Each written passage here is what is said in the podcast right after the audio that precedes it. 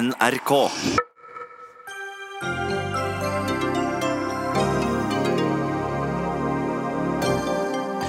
Knut Arild Hareide angriper politisk kommentator i VG for å komme med fargede påstander om prosessen i partiet, møter VG-redaktøren til debatt.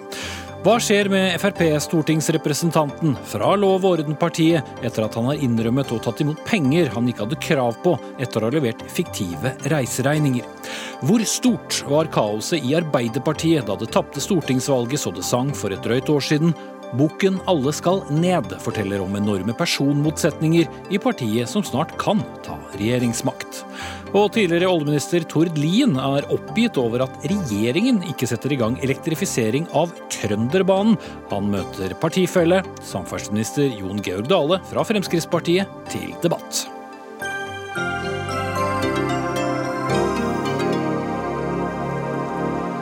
Da sier vi god kveld og velkommen til torsdagens Dagsnytt 18 med Espen Aas, der vi mot slutten av sendingen også skal snakke om den gigantiske skattesvindelsaken som er under opprulling i Europa. Med enda to uker igjen før vi får det endelige svaret på hvilket veivalg Kristelig Folkeparti tar, blåser det stadig kraftigere i selve debatten. Bare i dag går KrF-leder Knut Arild Hareide ut og sier at Erna Solberg selv må ta ansvar for at hun har valgt å gå i regjering med Frp, som Hareide ikke vil, men også i rette med politisk kommentator i VG, Fridtjof Jacobsen, som eh, du Hareide mener ikke har helt fulgt med i politikken de siste fem årene, som du skriver, og sier han kommer med fargede påstander. Hva slags? Jeg har lyst til å si det at uh, VG følger denne saken, og det er en kommentator uh, og en artikkel jeg reagerer på. Det var jo VG på lederplass som gav skryt til KrF for å gjennomføre denne beslutningsprosessen så åpent, så ærlig, og de sa det er med på å fremme og øke tilliten til politikerne. Men så reagerer jeg da på, på denne uh, artikkelen, og det går jo på at VG her sier at, eller denne kommentator Fridtjof Jacobsen sier at vi må ta ansvar for Fremskrittspartiet. Fordi det er bedre å ha Fremskrittspartiet i regjering enn utenfor regjering. Og så drar en da paralleller til Sverige og med Sverigedemokraterna. Og jeg har lyst til å si I Sverige så snakker jo de ikke andre partiene med Sverigedemokraterna. Vi har forhandla nå i fem år. Vi har fått mange politiske resultat sammen med Fremskrittspartiet. Eh, det er jo faktisk vi som har gjort at de har sittet i regjering i fem år. Men vi gikk altså til valg i fjor på en regjering uten Fremskrittspartiet. Og det ga vi òg som en garanti til våre velgere. Og vi er et sentrumsparti. Og det er jo sånn at Hvis vi skal på en måte si at Fremskrittspartiet blir verre utenfor regjering, ja da må jo vi nesten tenke sånn at SV og Rødt òg blir verre utenfor regjering. For oss er det naturlig Men du må jo kanskje ha støtte fra SV hvis du skal gå i regjering med Arbeiderpartiet og Senterpartiet, da? Så du får jo en annen ytterfløy som uh, støtter det, hvis vi skal uh, bruke den uh, betegnelsen? Ja, Poenget er at når du sitter i regjering sammen, da må du ha et felles prosjekt. Du må ha en felles retning. Og jeg har stor respekt for Fremskrittspartiet, men jeg syns den politiske avstanden er så stor at, ikke, at vi bør ikke sitte i regjering sammen. For da blir spennet så stort. Derfor så leiter jeg alltid på vegne av KrF til en regjering som er mest mulig basert mot sentrum i norsk politikk. Og det er helt det naturlig for et sentrumsparti. Men uh, hvor ofte skriver du egentlig kronikker der du imøtegår politiske kommentatorer sånn uh, til vanlig? Det, det, det, gjør vi av og til. Men du som partileder? Ehm, jeg har ikke gjort det så ofte. Men jeg syns nettopp at, at, dette at KrF skal ta det ansvaret for hvordan Fremskrittspartiet blir eventuelt utenfor regjering, ja det ansvaret ligger jo på, på Fremskrittspartiet fullt og helt. Og skulle jeg tatt det samme ansvaret da for en, en annet ytterfløyparti? Nei, det er jo helt naturlig.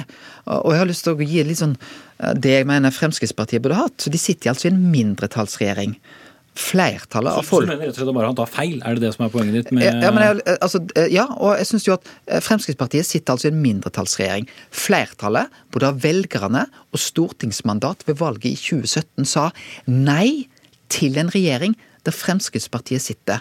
Og hvis jeg skal gi et lite grunnkurs i parlamentarisme for et parti som sitter i en mindretallsregjering, så er det jo at de må opptre skikkelig mot de partiene som gir de støtte. Og hvordan har Fremskrittspartiet opptrådt mot KrF, som altså har krevd deres støtte?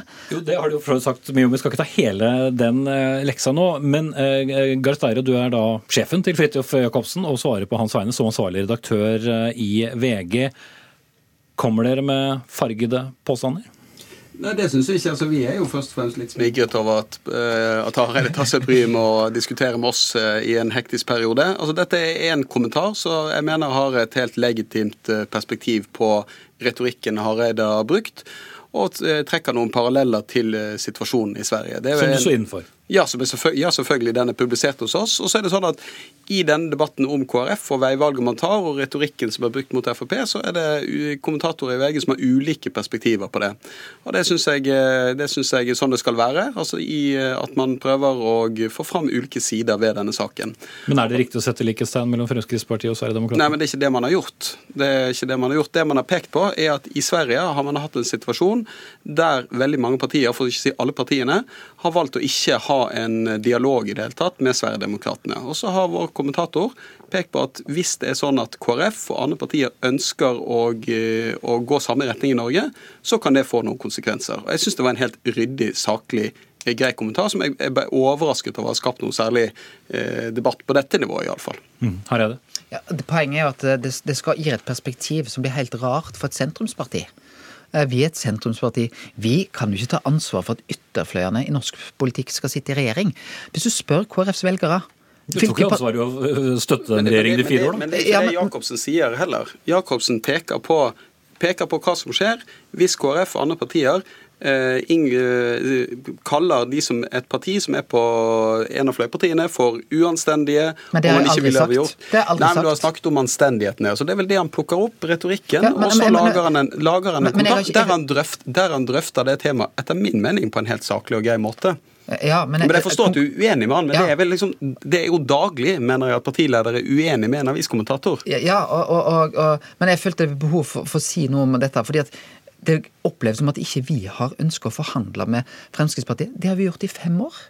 Vi har, vi har, gitt, og vi har fått gode politiske gjennomslag gjennom det. Når jeg snakker om anstendighet, så vil jeg på en måte si at et grunnkurs, som jeg sa, i parlamentarisme Når du sitter i en mindretallsregjering, så bør du opptre nettopp skikkelig mot de partiene som er med på å gi deg støtte. Hva har Fremskrittspartiet valgt i løpet av disse fem årene? Jo, de har sagt at KrF er et tulleparti. Det er ikke så lurt hvis du er avhengig av KrF. De har sagt at uh, undertegna sleiker imamer langs ryggen. Det er ikke så veldig klokt å opptre på den måten som statsråd når du sitter i en mindretallsregjering. De har sagt at KrF er et parti uten ryggrad. De har sagt uh, I går var det en stortingsrepresentant fra Fremskrittspartiet som sa at 'jeg kommer hatretorikk'. Rett nok har andre stortingsrepresentanter fra Fremskrittspartiet sagt at det syns de ikke stemmer. Og jo, men det er et stykke derfra og til hva Fridtjof Jacobsen skrev? Ja, jeg, mener Fridtjof Jacobsen skrev noe annet nå. Men det som, eh, som jeg tenker at jeg, jeg, kan, jeg, ikke, jeg, kan, forsvare det som står i VG. Jeg kan neppe forsvare alt som Fremskrittspartiet sier og gjør i denne debatten. Det som jeg, eh, grunnen, til at, grunnen, til, grunnen til at jeg synes, som jeg syns er interessant med at denne eh, kritikken av kommentaren kommer nå, at det vi har lurt på, er om det ligger en underliggende Eh, eh, på en måte anklage om at vi er farget i journalistikken vår og farget i eh, kommentarene våre. På en måte er forutinntatt og har en, har en form for at man driver en form for kampanje her. Og det... Men Høyre-lederen brukte jo nesten akkurat det samme argumentet i et intervju med eh, Dagens Næringsliv på, på, tirsdag, hvor hun også sa at det var klokere å ha Frp i regjering. Så ja, parallellen er vel kanskje ja, ikke så langt unna? Nei, det, det, så, men det som er viktig for oss å si, er at vi dekker det som nå skjer i Kristelig Folkeparti, fordi det er den viktigste politiske saken i høst. Og det mener jeg dekker vi på nyhetsplass. Det er helt ryddig og greit, syns jeg. Det er nok å skrive om, og det er stor interesse for saken. Og det er kommentatorer som har ulike perspektiver på den saken. Og noen av de, og noen, Fridtjof Jacobsen et perspektiv, og til og med andre kommentatorer i VG har andre perspektiver på den saken. Har uh, VG kjøpt Høyres uh, syn her? Jeg er helt enig i det som Steiro her sier. Jeg syns VG opptrer ryddig. Eh, de gir ulike perspektiv. Men den, akkurat denne kommentatoren i denne kommentaren her syns det var preg av det jeg vil kalle høyrespinnet. Det må være lov, men det må være lov til meg å svare på det. Og det var det jeg ønsket. Jeg ønsket å si noe om det. At som sentrumsparti så vil jeg sitte i regjering med de partiene som står meg nærmest. Og det å da gå til det partiet som KrFs velgere liker minst blant de større partiene. Det er noe spesielt. Og det er jo nettopp det at vi nå peker på et valg eh, der, eh, der jeg peker på at jeg syns vi skal se til de partiene der vi har tettest verdifellesskap. Der, eh, og, og Senterpartiet og KrF, som f.eks. står sammen. Distrikt, landbruk, viktige verdispørsmål om menneskeverd står vi, vi tettest sammen. Så det er ikke rart at vi velger det. Og, og da på en måte si at vi med å velge bort Fremskrittspartiet må ta ansvar for Fremskrittspartiets okay. utvikling. Det er nok der jeg faller bort. Eh, men bare for å plukke opp, altså Du har jo eh, støttet Erna som statsminister inntil nå. da, og da Erna Solberg sa til Dagens Næringsliv i intervjuet på tirsdag at du polariserer debatten eh, og til og med ødelegger det politiske systemet. Hvordan reagerte du på det? Nei, Der er jeg langt mer enig med det VG skriver. Eh, at nettopp denne prosessen som eh, vi har hatt, den er åpen, ærlig og demokratisk, og den øker tilliten eh, til politikerne. Så forstår jo jeg at Erna Solberg ikke ønskte det rådet jeg gav, men det er legitimt. Og Erna Solberg har sagt hun har stor respekt for den i løpet av det, siste året, for den prosessen som KrF skal ha høsten 2018. Men hun hadde nok ønsket et annet råd, og det kan jeg forstå. Men polariserer du også debatten? Jeg jeg løfter jo fram naturlig nok de politiske forskjellene som er mellom KrF og Frp. Og vi ga jo òg en garanti til velgerne at ikke vi skulle sitte i regjering eh, med Fremskrittspartiet. Så det er jo helt tydelig at ved valget i 2017 så var det jo ikke flertall for den regjeringa som Erna Solberg har valgt. Eh, jeg hadde jo ønsket å sitte sammen i regjering med Erna Solberg, men da på det regjeringsalternativet som jeg gikk til valg til. Og jeg må respektere at Solberg har valgt noe annet. Men er det også en eh, polarisering mellom KrF og KrF? Blant annet nå For en time siden så gikk jo begge nestlederne dine ut i, i VG eh, eh, og, og ville endre abortloven. Altså, Vi er jo helt enige om eh, den saken. Eh, og nettopp det å bekjempe sorteringssamfunnet det er en av de store debattene som vi ser. Det er fordi teknologien utvikler seg. Eh, derfor står vi foran utfordringer. Det tror jeg hele det norske samfunnet må ta en debatt om. Så skal vi diskutere hva som blir våre krav etter landsmøtet inn i regjeringsforhandlinger. Det skal ikke vi begynne på, på nå, men det, det er et viktig spørsmål. Så har vi nå sagt vi skal ha en åpen debatt. Eh, og det er jo sånn, dette er det, det visste jo jeg når jeg ga det rådet. Her vil det være ulike meninger. Eh, og i stor grad så syns jeg den debatten foregår på en veldig flott måte. Og jeg forstår òg det er stor interesse om den. Ja, og selv om også Ropstad har åpenbart har begynt den debatten eh, når det gjelder abort, bl.a. når det gjelder fostre med Downs, er du, er du enig i å påbegynne denne debatten? Jeg er jo veldig opptatt av den saken som Kjell Ingolf Ropstad tar opp her. Eh, fordi det handler om hva samfunn er det vi skal ha. Og skal en bli sortert bort etter egenskaper, eh, og skal vi begynne jakten etter det såkalt perfekte, ja da blir vi sortert bort alle sammen til slutt. Men er det et krav til en regjering du skal være en del av? Slik Ropstad sier? Eh, jeg er opptatt av at det er vi som parti som skal stille krav når vi går inn i eh, forhandlinger. Det skal vi gjøre som samla lag i etterkant av landsmøtet. Og jeg skal ikke nå begynne å si hva som er våre krav, hva som ikke er våre krav. Og det er også sånn at det er jo en helhet som ligger til grunn eh, for enhver forhandling, og sånn vil det alltid være. Mm. Erna Solberg sier forresten nå i VG at hun eh, er villig til å forhandle om nettopp det. Er det noe å ta med seg? Det syns jeg er noe å ta med seg.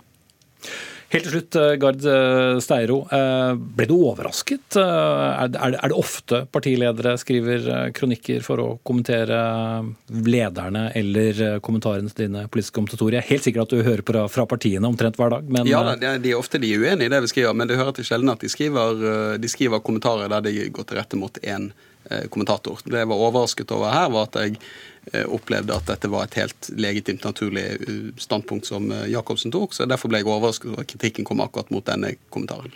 Er det aktuelt å gå ut i en ledig kommentar og komme med en anbefaling til partiet? Ja, Det vi, tror jeg ikke vi skal gjøre. og Det har vi ikke for så vidt diskutert. Men vi, vi følger prosessen, prosessen, tett, kan vi si. Og jeg er overbevist om at både Jacobsen og andre kommentatorer kommer til å skrive mer om dette framover, og at Hareide vil mislike opptil flere av kommentarene som kommer på trykk. Det kan nok hende du har rett i. 2.11. om drøyt to uker så er det finalen for dette. Takk til Gartero, ansvarlig redaktør i VG, Knut Arild Hareide, leder i KrF. Dagsnytt 18 alle hverdager klokka 18.00 på NRK P2 og NRK2.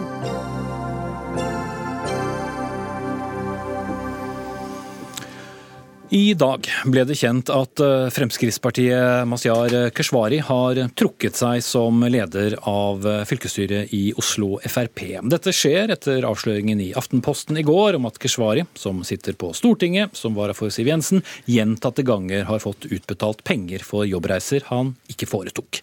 Til sammen skal han ha levert udokumenterte reiseregninger for 290 000 kroner siden 2016. Hans Andreas Limi, du er parlamentarisk leder for Frp, altså leder for de folkevalgte da på, på Stortinget. Eh, Keshvari har jo innrømmet eh, dette. Har han da noen fremtid i partiet for lov og orden? Ja, han har innrømmet og har gjort en uh, rekke feil. Så gjenstår vel litt å få oversikt over omfang og beløpsstørrelser og sånn. Men det er klart at det han har begått, det er et tillitsbrudd. Og sånn sett så er jo dette en Eh, alvorlig svekkelse av hans både status i partiet og også fremtidige muligheter. Men så har jeg alltid den holdningen at vi begår alle feil. Eh, dette er veldig graverende. Eh, du må rydde opp etter den, må ta liksom din straff. Eh, og så har du muligheten til å komme tilbake igjen på et eller annet tidspunkt. Så man kan liksom ikke fordømmes til evig fortapelse. Men, men, men, det tar veldig, veldig lang tid etter eh, en sånn sak som vi nå står midt oppi. Mm. Men for å sette det på spissen, altså tilegne seg mine og dine skattepenger da, ja. uten å ha rett til det, er vel kanskje mer enn bare en feil? Ja, det, det, er det. Det er veldig graverende. Og det som jeg sa, det er et tillitsbrudd. Eh, det er høyst beklagelig og helt uakseptabelt. Så jeg er veldig glad for at han selv tar initiativet til å få rydda opp i dette. Eh, han burde aldri gjort det, selvfølgelig, men vi må få ryddet opp i det. Og så må vi ta vare på Keshvari, fordi han har det ganske tøft nå som andre som uh, må svare for uh, å ha gjort ting de ikke skulle ha gjort. Uh, men rent praktisk, Limi Keshvari sitter da på Stortinget nå så lenge Siv Jensen er statsråd, eller sitter i regjering. Hvis hun da fortsetter med å være finansminister, som sikkert dere håper fram til 2021, er da han også fast møtende stortingsrepresentant? Ja, det blir han. Nå er han sykemeldt. Det kan bli en langvarig sykemelding. Eh, men når han da kommer tilbake, så, så vil han fortsette å møte på Stortinget, gitt eh, at ikke situasjonen har endret seg. Så, eh, for rent formelt, bare for å, for å, få seerne og lytterne våre til å forstå det, så er ikke det noe dere som parti kan avgjøre. Så dette Nei. handler om lover og regler. Ja, helt riktig.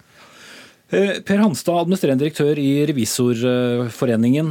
Til Aftenposten så sier du at reisedekningssystemet til Stortinget må endres. Hvorfor det?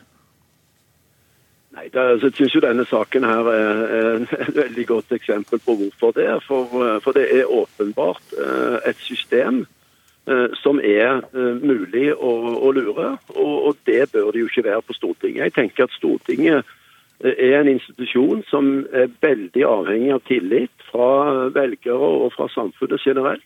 Og Da tenker jeg òg at Stortinget som arbeidsgiver har et ansvar for å ha et system og legge til rette for at ikke enkeltpersoner kan bli frista til å, å, lure systemet, sånn som det har skjedd her.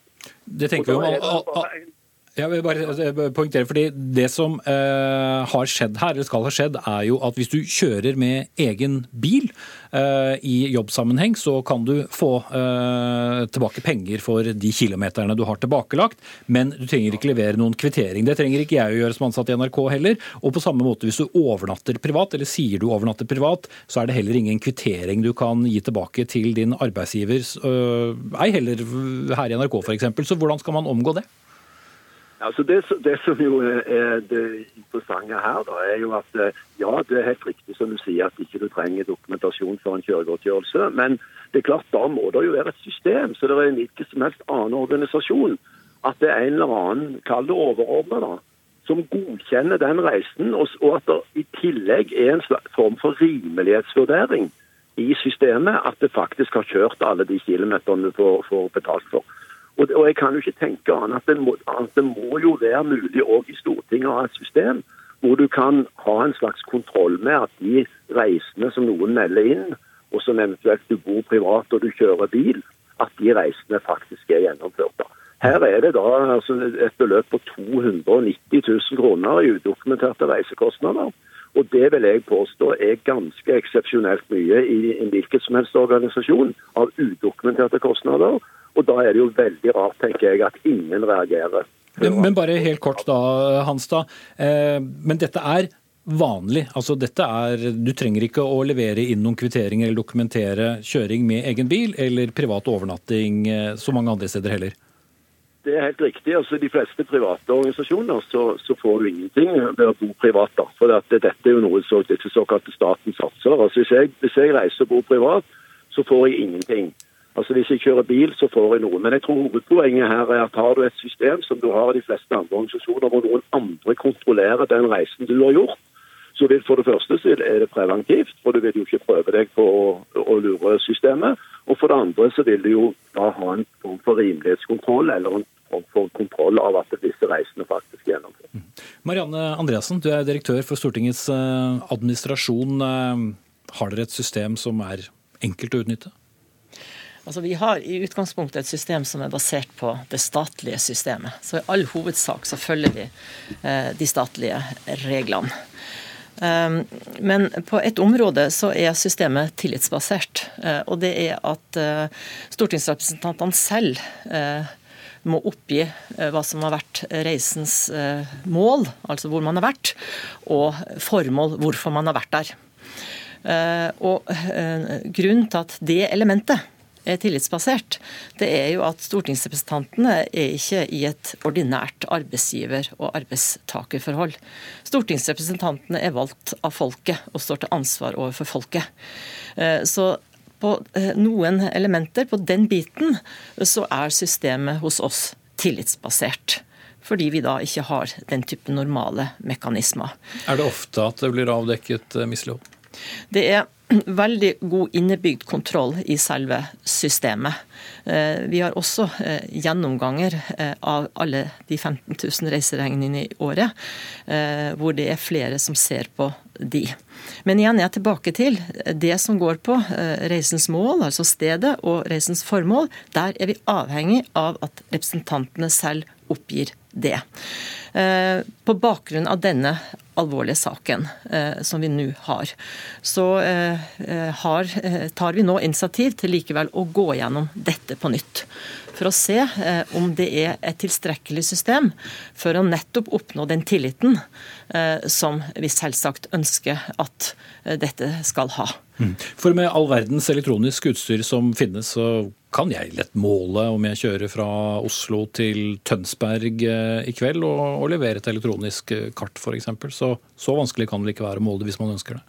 Det som jeg syns er viktig, det er når du trekker inn sånne ting, eh, så er det at vi baserer vårt system i all hovedsak på det statlige systemet. Og vi følger jo da utviklingen i det statlige systemet som brukes av svært, svært mange. Jeg tror det er riktig når man tenker på hva det er slags mekanismer vi skal ha, at vi fortsetter å følge det. Men det vi da må vurdere, det er disse elementene som vi har hos oss, som er da knytta til at det ikke er et ordinært arbeidsgiver- og arbeidstakerforhold, men at det faktisk er snakk om representanter som er valgt av folket. Eh, og så må vi gå inn og se. Det kan at ikke alltid representanter som er valgt av folket følger et tillitsbasert system? Da. Nei, og Det er jo da bakgrunnen for at vi nå må gå inn i dette systemet og gjøre en ny vurdering. Rett og slett. Hans Andreas Limi, du har sittet og, og hørt på. Jeg må bare spørre. Kunne man som parti også hatt en egen kontroll med sine stortingsrepresentanter, eller ikke? Jeg tror eh, ikke det er praktisk mulig, rett og slett. Eh, fordi at eh, reiseregninger på Stortinget går jo direkte fra representant til Stortinget. Eh, og utbetales direkte fra Stortinget. Og eh, stortingsgruppene har jo ikke noe arbeidsgiveransvar for eh, representantene. Så jeg tror ikke det er praktisk mulig å sitte og godkjenne alle de tusen reiseregningene som vi har i løpet av et år. Men det er bedre å se på, som Stortingets direktør sier, de rutinene, kontrollrutinene som Stortinget har. Og spesielt da når det gjelder det ene, kall det et smutthull, da, som er, som er de refusjonene hvor man ikke trenger å legge frem dokumentasjon. Eh, og jeg mener at det å kunne dokumentere altså hvilket møte eller hvilken aktivitet som har funnet sted, det bør være et minimum. Eh, og det vil i hvert fall, eh, vil i hvert fall øke terskelen for å, å, å svindle til seg penger eh, basert på fiktive reiseregninger. Så, så, man må rett og slett se på det. Men jeg tror ikke det er mulig å få det eh, på eh, en måte tilsvarende det man har i private organisasjoner, hvor du har en overordnet som sitter og liksom godkjenner reiseregninger. fordi at til det er nok omfanget altfor stort, og representantene har et selvstendig ansvar for å følge det som er regelverket. Hvor skadelig, hvis jeg får stille et dumt journalistspørsmål, er en sånn sak for eh, Fremskrittspartiet, som også handler om å tilrane seg fellesskapets penger? Den er eh, skadelig, og jeg tror den svekker tilliten til hele det politiske miljøet. Eh, fordi at vi som stortingsrepresentanter har et spesielt ansvar. Vi har fått folkets tillit. Vi har et system på Stortinget på mange områder som baserer seg på, på tillit. Og det at vi må være altså helt 100 nøye med å følge lover og regler og det som er av reglement, også på Stortinget, det er det ikke noe tvil om. Eh, så dette, dette bidrar til å svekke tilliten til eh, politikere. Men samtidig så er det viktig å understreke at eh, det er et I hvert fall i det omfanget som det tyder på, så er det jo et enkeltstående tilfelle.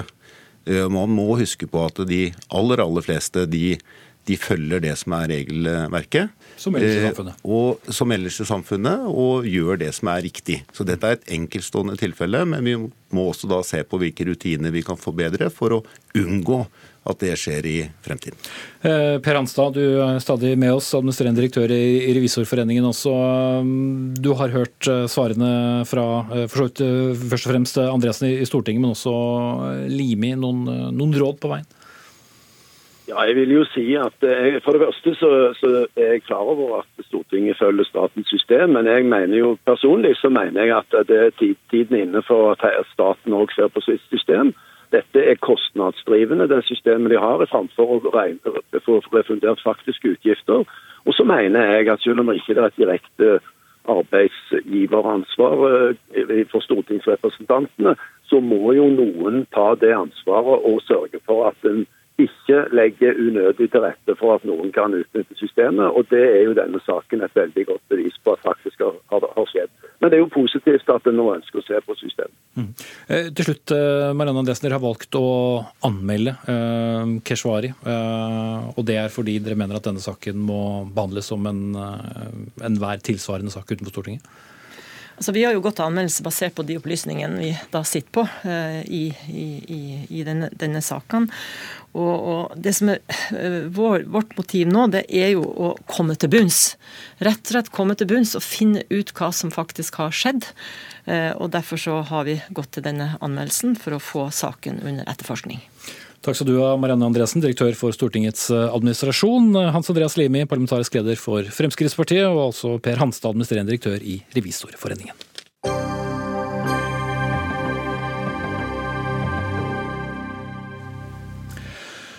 Maktkamper, nestlederstrid og en valgkampanje som tidvis minnet om et galehus. Ja, det er bare noen av ingrediensene i den nye uautoriserte boken om Arbeiderpartiet, Alle skal ned, som kom i dag. Den beskriver tiden i Arbeiderpartiet før og etter det katastrofale stortingsvalget i fjor.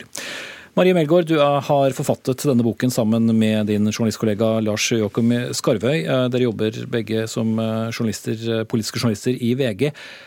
Hva slags historie er egentlig dette? Vi har for første gang eh, klart å vise hvordan to nestlederes dårlige forhold påvirker resten av Arbeiderpartiet fra helt fra starten 2015, når de blir valgt, og hvordan det også påvirker valgkampen. Eh, vi tar også leseren på innsiden av Arbeiderpartiet. Hva foregikk eh, når valget gikk som det gikk, og også hva skjedde under metoo-håndteringen til Støre. Eh, en nyhet som er der, er jo f.eks. at Hadia Tajik stilte et ultimatum om at enten måtte Giske gå eller hun selv. Det stilte hun da til Støre etter at han hadde nærmest fredet Trond Giske ved at han ba om en unnskyldning 21.12. i fjor. Mm. Ja, Apropos denne nestlederstriden. Det beskrives et veldig iskaldt forhold da mellom Trond Giske og, og Hadia uh, Tajik. Men hvor mye er det årsaken til hvordan det gikk med Arbeiderpartiet for et drøyt år siden, da velgerne gikk til urnene? Det er jo mange forskjellige årsaker til at det gikk som det gikk. Eh, men det er én ting vi viser, er at eh, det var et dårlig samarbeid eh, som førte til at Jonas Gahr Støre på et tidspunkt valgte å dele valgkampen i to bolker, sånn at nestlederne skulle få hver sin oppgave, for de klarte ikke å samarbeide. Det gikk imot et sentralstyrevedtak, og det var også veldig uvanlig at partisekretæren ikke hadde det fulle ansvaret for en valgkamp. Så der ser du én årsak. Vi forteller også at Arbeiderpartiet valgte å ikke snakke om skatt og innvandring i valgkampen av taktiske hensyn. Men det var to valgkampsaker som velgerne mente var viktigst. Og det vi vier mye tid til, er å snakke om denne mediesentralen som er liksom hjertet av valgkampen. Der hvor Arbeiderpartiet skulle lansere politiske vedtak, ha kontakt med pressen og velgere. Ja, Hvordan gikk det der? Ja, Magnus Takvam Kaltis sa at det var nærmest et galehus, det var dine ord. Eh, men eh, det, er, eh, det vi viser, er at det er uenigheter, stridigheter, krangling, kaos. Eh, et eh, bitte lite eksempel eh, er en diskusjon om en korktavle. Det er to medarbeidere som har sittet og jobbet med informasjon i Excel-ark. Men Trond Giske vil ha det på en korktavle inspirert av amerikansk valgkamp. En annen sjef på valgkampsentralen, eller på mediesentralen, Hans Christian Amundsen, ønsket å ha det på Word-dokumenter så blir det da en korktavle som er til stor irritasjon for medarbeidere. Fordi det tar masse tid og er et litt upraktisk eh, verktøy. Så det er et lite eksempel, da. Det som, eh, eller som jeg sa innledningsvis, dette er en uautorisert uh, biografi om du vil, da, om Arbeiderpartiet i denne perioden. Derfor er det heller ingen åpne kilder. Hvordan kan vi da stole på at uh, historiefortellingen her er objektiv, særlig fordi det er to veldig motstridende fløyer? Det er jo lett å tenke at uh, dere har hatt flere kilder på den ene siden eller den andre? Ja, her er det to ting jeg er helt uenig med deg. For det første så er det ikke sånn at vi bare har eh, anonyme eller lukkede kilder. Boka vår er stappfull av åpne kilder som brev, tekstmeldinger, eh, jo, notater. Jo, men det er også mange eh... Jo, men det er liksom eh, grunnpilaren i boka vår er at vi nettopp kan legge fram skriftlig dokumentasjon som er objektive kilder, som kan underbygge det vi ellers skriver, som eh, er et utfyllende bilde som vi har fått fra eh, mennesker som har snakket anonymt. Sånn at det er disse skriftlige kildene som gir troverdighet til resten. Eh, og der mener jeg vi har gått veldig langt, mye lenger enn mange andre politiske bøker jeg har lest, i hvert fall i norsk sammenheng, med å prøve å framskaffe eh, disse kildene, da. Mm. Så når det gjelder særlig den maktkampen mellom nestlederne, så mener du at dere har kunnet balansere det?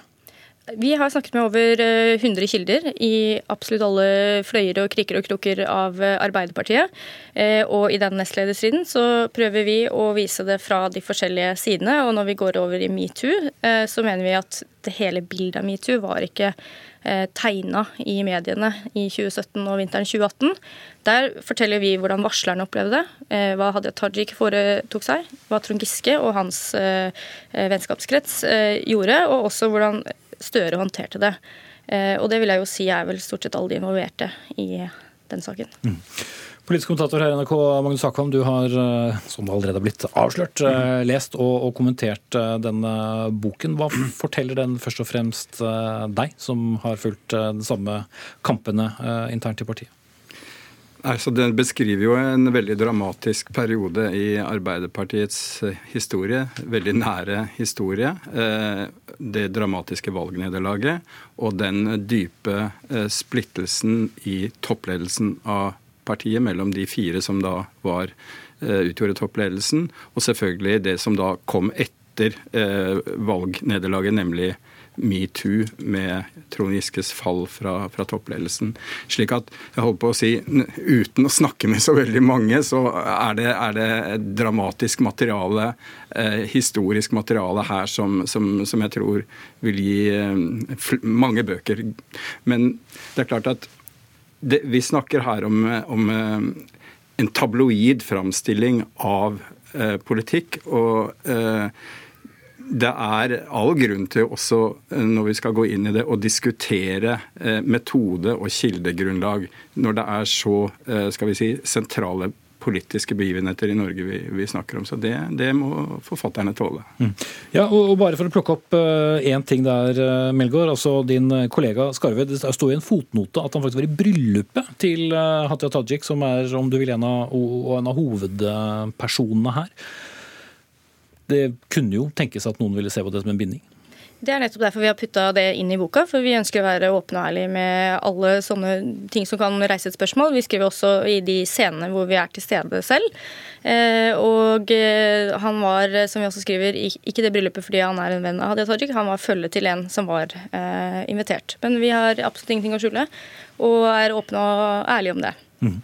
Tone Sofie Aglen, politisk redaktør i eh, Adresseavisen. Du har også lest denne boken, og tolker jo politikk mye da fra eh, Trøndelag, eh, Trond Giskes valgkrets. Hvilket inntrykk sitter du igjen med? Nei, Jeg tror nok en organisasjonspsykolog ville ha sagt at denne boka er rystende lesing. Og Boka viser jo en partiledelse som i utgangspunktet burde jo ha vært et slags eh, superteam. For det er det med seg ulike og utfyller hverandre er godt. Men eh, det at de har dårlig personkjemi er på en måte det minst alvorlige her. Det Problemet er den eh, manglende tilliten, mistenksomheten, at de ikke snakker med hverandre, rådgiverne sin sterke rolle. og og ikke minst det at de mistenker hverandre for å motarbeide hverandre. Og jeg syns jo det er ganske imponerende materiale de sitter på av e-poster og referater fra interne samtaler. Det viser jo også at de kanskje har en grunn til å ikke stole på hverandre, for det må jo være et sykdomstegn for et parti at man lekker så mye. Så tenker jeg at det er kanskje særlig to ting som er påfallende. og Det ene er jo det her forholdet mellom de to nestlederne Hadia Tajik og Trond Giske. De framstår nesten barnslig i sin rivalisering, og det er nesten som en søskenflokk, bare at de ikke, åpenbart ikke er glad i hverandre. Og det andre er jo hvor ensom Jonas Gahr Støre virker på toppen, og det virker ikke som noen rundt han er opptatt av at han skal bygges opp og lykkes som leder. Eh, men Trond Giske oppi dette hele, da, som eh, jo er en sentral eh, skikkelse mm, i ditt område? Ja, nå tror jeg nok at uh, mange i den såkalte Giskefløya, i den grad den finnes, opplever nok at uh, det her er ei bok som, uh, hvor Hadia Tajik sine kilder og rundt henne har bidratt mer. og det er jo en utfordring med så mange lukka kilder. Så uten at Trond Giske har vært veldig tydelig på at han ikke har bidratt til denne boka, men jeg tror nok at han er bekvem med at eh, varslene gjengis i sin helhet i denne boka. At, det, at han i hvert fall ikke har noe imot at det kommer fram. Mm. Mange Hakvam, eh, nettopp dette med Støre som en litt sånn ensom leder i et parti som har gjort eh, sitt nest dårligste valg på 90 år. Ja, altså, dere, ja, eh, altså Det som er, er eh, skal vi si, scenarioet her i denne boka, som jo skal vi si, topper seg i og med metoo. Eh, Eh, konflikten var der før valget, men jeg for min del tror ikke skal vi si, bare for å ha det med, at den personkonflikten var årsaken til Arbeiderpartiets valgnederlag. Men det hele topper seg, som jeg sier, eh, i forbindelse med metoo-saken. Der vi har, som, som, som, på en måte gjenspeiles i boka, der du har et miljø eh, fra, med utgangspunkt hos varslerne. og, og bokas forfattere har har på en måte varslernes perspektiv. Eh, naturlig nok, kanskje. Men det er da samtidig et miljø der to, der to sentrale eh, politikere som Marianne Martinsen og Hadia Tajik er direkte med eh, la oss si, i, i, i, dette miljøet og fremmer varslernes sak fordi de mener det er riktig. Og så har vi da motparten Trond Giske på den andre siden, som er, er eh, objektet for dette. Og så, som du sier, er Støre i midten. Og, og brodden i boka er jo mot Giske, eh, når vi snakker om varslerne, naturligvis. Og, eh, men også et portrett, vil jeg si, av en svak leder i midten, eh, Jonas Gahr Støre. Og derfor er det selv om åpenbart Jonas Gahr Støre har sikkert fått tilbud om å bidra til boken, synd og en mangel eh, at ikke hans versjon da eksplisitt kommer bedre fram, etter min mening. Da. Mm.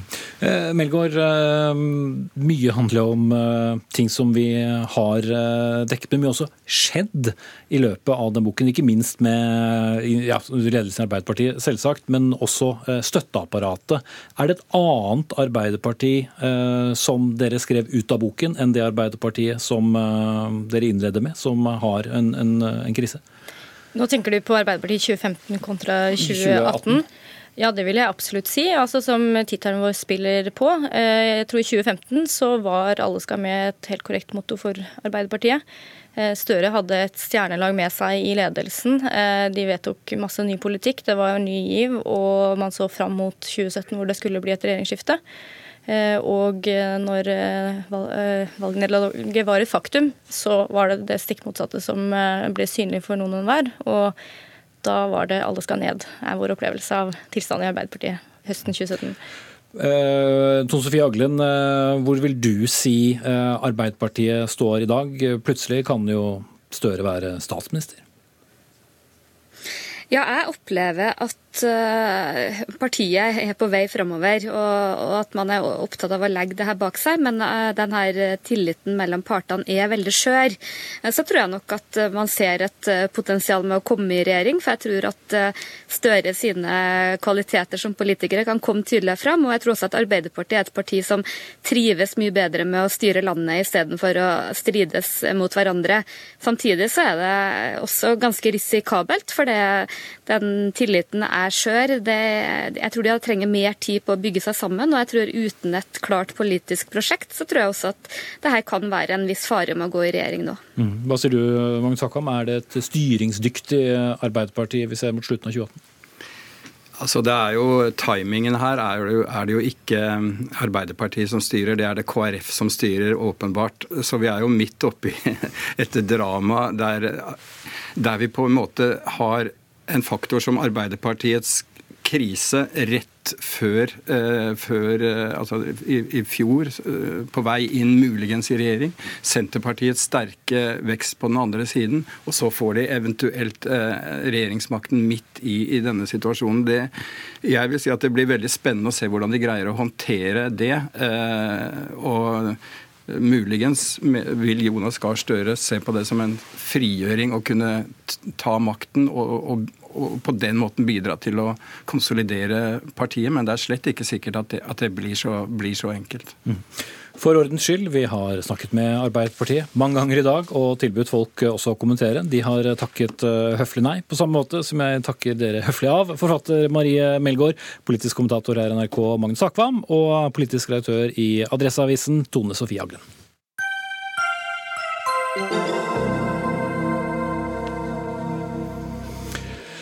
Etter å ha planlagt elektrifiseringen av eh, Trønderbanen og Meråkerbanen i sju år, så trodde politikere og næringsliv i nettopp Trøndelag at tiden var inne for å starte utbygging. Sjokket var derfor stort for mange da regjeringen i statsbudsjettet bevilget 10 millioner kroner til enda mer planlegging og ikke igangsettelse. Trønderbanen, som går mellom Lundamo og Steinkjer, brukes av om lag 1,3 millioner passasjerer årlig og er i sterk vekst. Og Tord Lien, i dag regiondirektør i NHO Trøndelag, tidligere olje- og energiminister for eh, Frp, du er blant dem som er oppgitt. Ja, jeg er jo oppgitt eh, nettopp eh, fordi at dette er noe vi har jobba med lenge. Vi har på en måte forventa eh, at nå skal det faktisk skje noe i, i flere år allerede. Det har vært spretta champagnekorker og spist bløtkake både av rød-grønne politikere for mange år siden, men også av representanter for regjeringspartiene. Dette var omtalt som et prioritert sak for første del av Nasjonal transportplan. En nasjonal transportplan som jeg nå er veldig fornøyd med, eh, men som vi selvfølgelig også forventer blir fulgt opp. Eh, men som vi nå eh, dessverre må konstatere at det ikke kommer penger til, og at det også spres usikkerhet om dette er tiltak som skal gjennomføres. Og for de av vårt publikum som ikke ferdes langs Trønderbanen til vanlig, hva utgjør forskjellen på en elektrifisert versjon av den og den dieseldrevne som vi har i dag? Ja, altså I tid så kommer vi til å snakke om eh, mellom fem og, og ti eh, minutter eh, mellom eh, Trondheim og, og Steinkjer. Eh, det er helt klart at eh, i tillegg til elektrifisering så må det også gjøres andre grep. Dette handler også om hvilket type togmateriell man kan bruke. Altså, det er jo flere tiår siden svenskene eh, bygde eh, elektrifisering av eh, banen fra Østersund, som er Nord-Sveriges største by, inn mot norske grenser.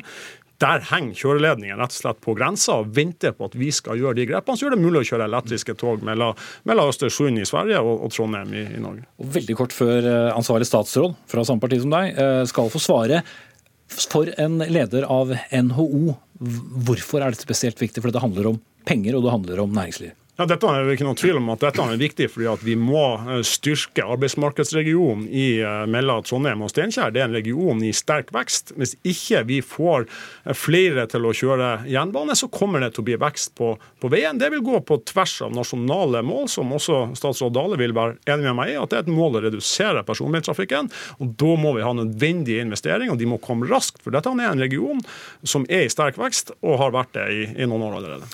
Ja, Samferdselsminister Jon Georg Dale, gratulerer med nøye planlegging, da, skal vi si det sånn?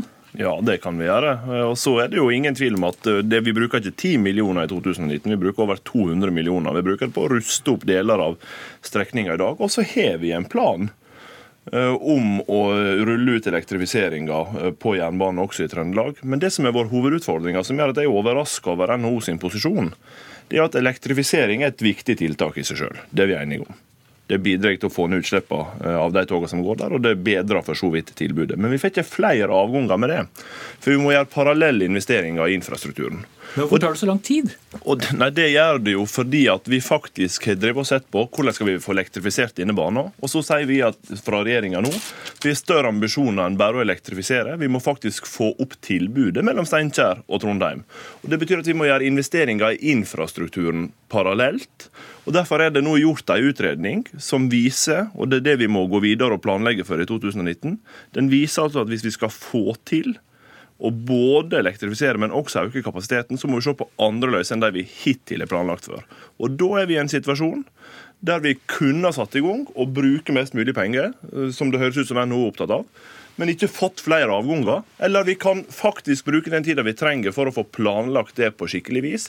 Det tror jeg gir et bedre tilbud for uh, Tord Lien sine medlemmer. NTP-en er, er, bra, men, men, men, det næringslivet selvfølgelig alltid vil være opptatt av, det er jo forutsigbarhet. Og Her mener jeg at uh, man har fra næringslivets side, fra hele Trøndelags side, pekt på at elektrifisering er viktigst.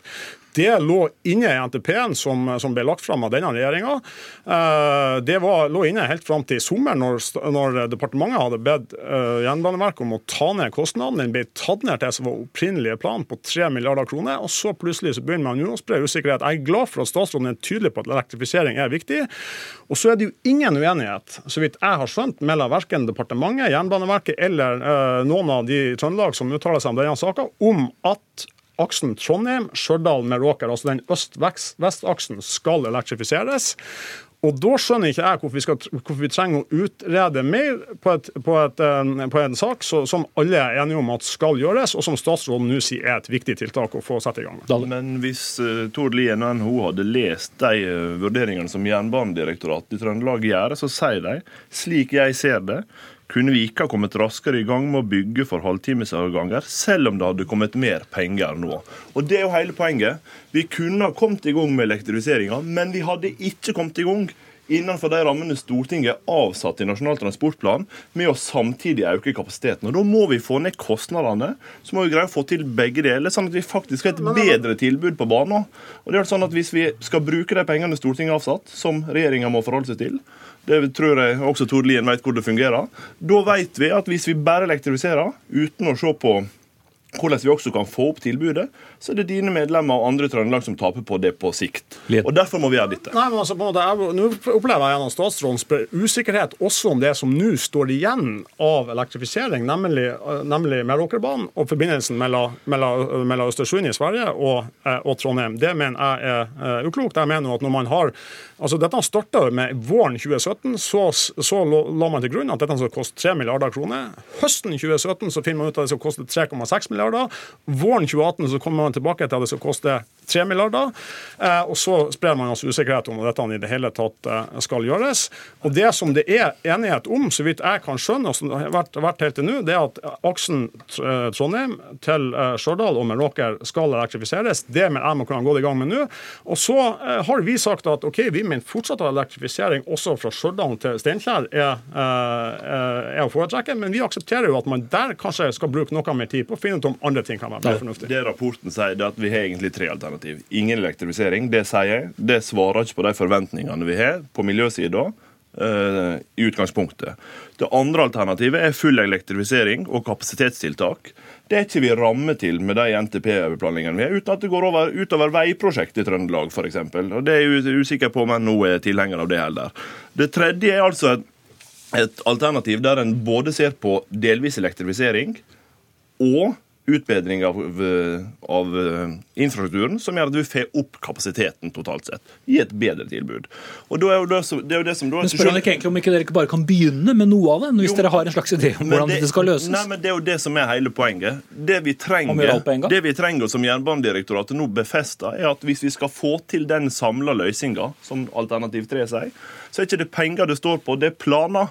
Og da må vi, vi derfor, bevil, derfor, vi, nei, derfor er vi bevilga penger til de planene, sånn at vi faktisk kan komme et steg videre på veien. Og det hadde jeg trodd var en god nyhet for Tord Lien sine medlemmer. Sånn elektrifisering mellom Trondheim, Stjørdal og Meråker har altså Jernbaneverket jobba med i, i minst uh, syv år. Det har vært relativt konkrete planer for dette, uh, i hvert fall tilbake til uh, 2014-15. Og nå forventer vi faktisk at det konkrete investeringen som Stortinget har lovt oss, oss og feira med champagne mange ganger, faktisk kommer. Når kan de egentlig spette champagne og spise kake? Da, da har, du noe, har du noe dato å gi? Nei, det har ikke vi. Men nå uh, fortsetter vi planlegging for å få et uh, raskest mulig svar på det. Så kommer vi tilbake til det. Og så er det jo forunderlig at NHO ikke tar over innover seg den kunnskapen de tross alt sitter på. Jernbanedirektoratet men gjør sine egne vurderinger uten å søke de faglige rådene. Kort svar på det, da. Det. Nei, altså, som sagt, Dette mener jeg har vært, eh, har vært eh, prosjektert og planlagt grundig lenge. Til og med planene for, for, buss for tog, som kommer til å bli nødvendig, har jo, har jo vært klare over en periode. Så dette mener jeg kunne vært gått i gang med nå. Vi får se om det kommer på skinner. Takk skal dere ha, Tord Lien, nå sjef for eh, NHO i, i Trøndelag, og samferdselsminister Jon Georg Dale. Hør Dagsnytt 18 når du vil. Radio NRK Radio.nrk.no. Så skal vi til en skatt, skattesvindelsak. En skattesvindelsak som jeg har skrevet gigantisk foran. Den rulles opp i europeiske medier, og Norge er også rammet, om enn i liten skala. Det handler om at investorer og banker skal ha utnyttet skatteregler i flere europeiske land, og dermed svindlet eh, en rekke statskasser for store summer. Ifølge flere medier dreier det seg om summer i overkant av 5 100 milliarder kroner, eller en halv billion. 40 journalister i 19 europeiske redaksjoner, bl.a. Politikken og DR i Danmark og SVT og TT i Sverige, har i samarbeid med en tysk gravegruppe avdekket denne omfattende svindelen. Og Cecilie Lange Becker, økonomikommentator her i NRK, hvordan startet dette? Eh, det som har kommet frem i de sakene som vi har sett i dag, det er at eh, det startet i Tyskland, der hvor en eh, gruppe advokater satte seg ned og og på en måte eh, fant på eller kom på en struktur der hvor de kunne, kunne svindle skattemyndigheter, ikke bare i Tyskland, men eh, i hele Europa. Og så slo de seg da sammen med en gruppe med Vi kan kanskje kalle det finansmenn eller finansfolk, bl.a. Eh, tidligere aksjemeglere som ikke lenger hadde jobb etter finanskrisen.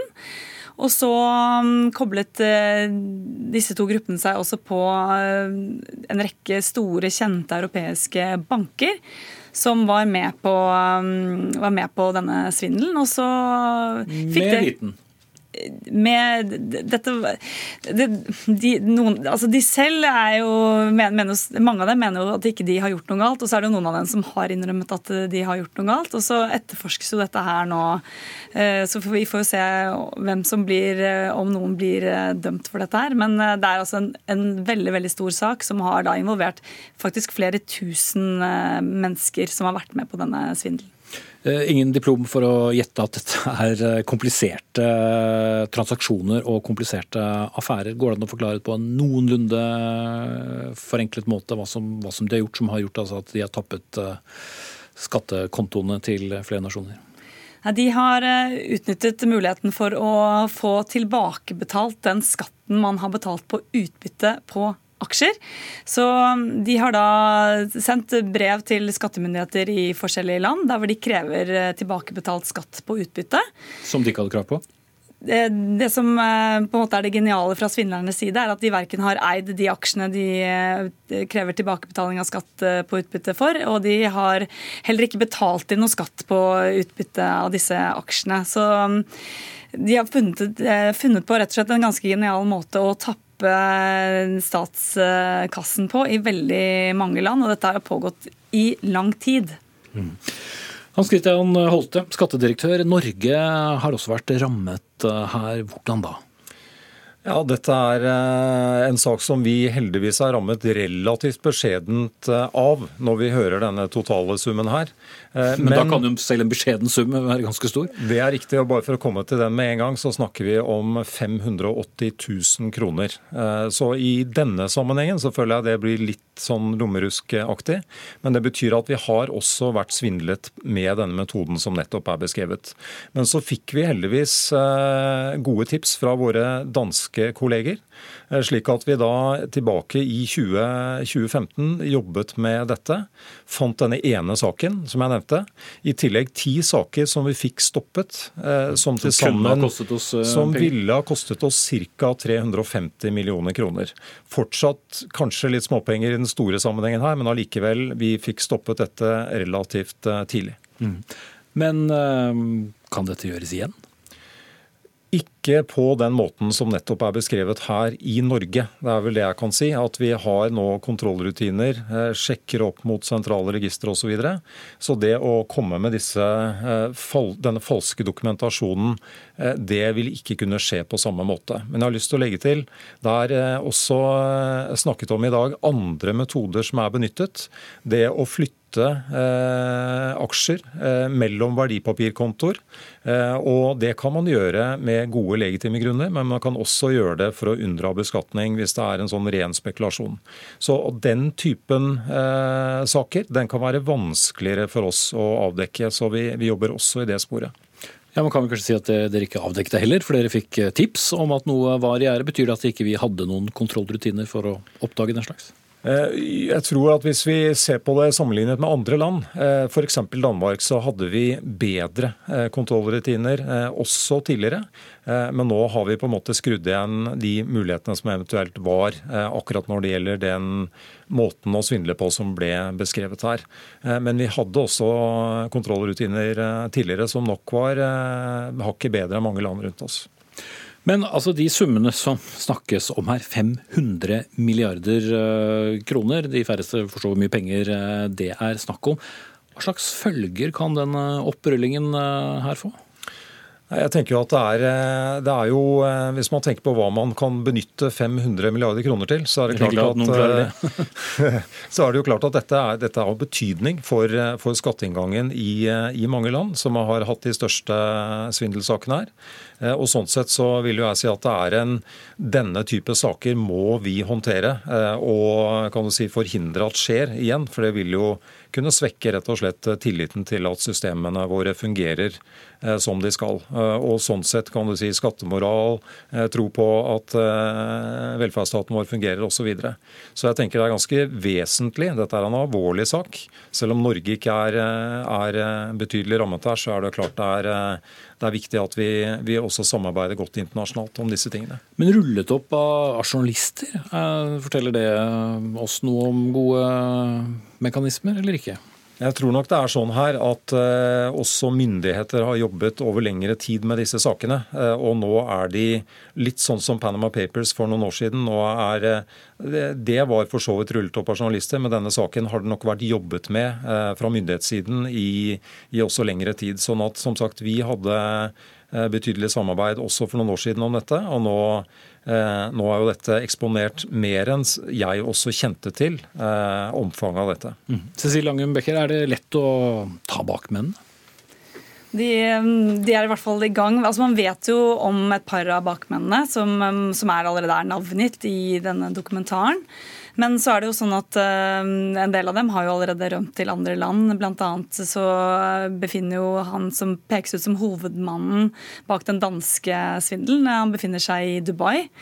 Så der er det ikke så lett å få tak i han. Og så går man etter midlene rundt omkring, og så er det jo en kjempejobb med å få inn disse pengene igjen. Det er jo helt åpenbart. Takk skal du ha, Cecilie Langebekker, økonomikommentator her i NRK, og Hans Christian Holte, skattedirektør. For dere som har lyst til å vite mer om dette, så sender eh, Urix eh, hele denne dokumentaren klokken 22.15 på NRK2 i kveld. Se om du kan bli klokere da. Denne sendingen er i hvert fall over. Ansvarlig for den Anne Katrine Førli, teknisk ansvarlig Marianne Myrhol. Jeg heter Espen Aas. Dagsnytt 18 er igjen tilbake i morgen, da med Sigrid Solund.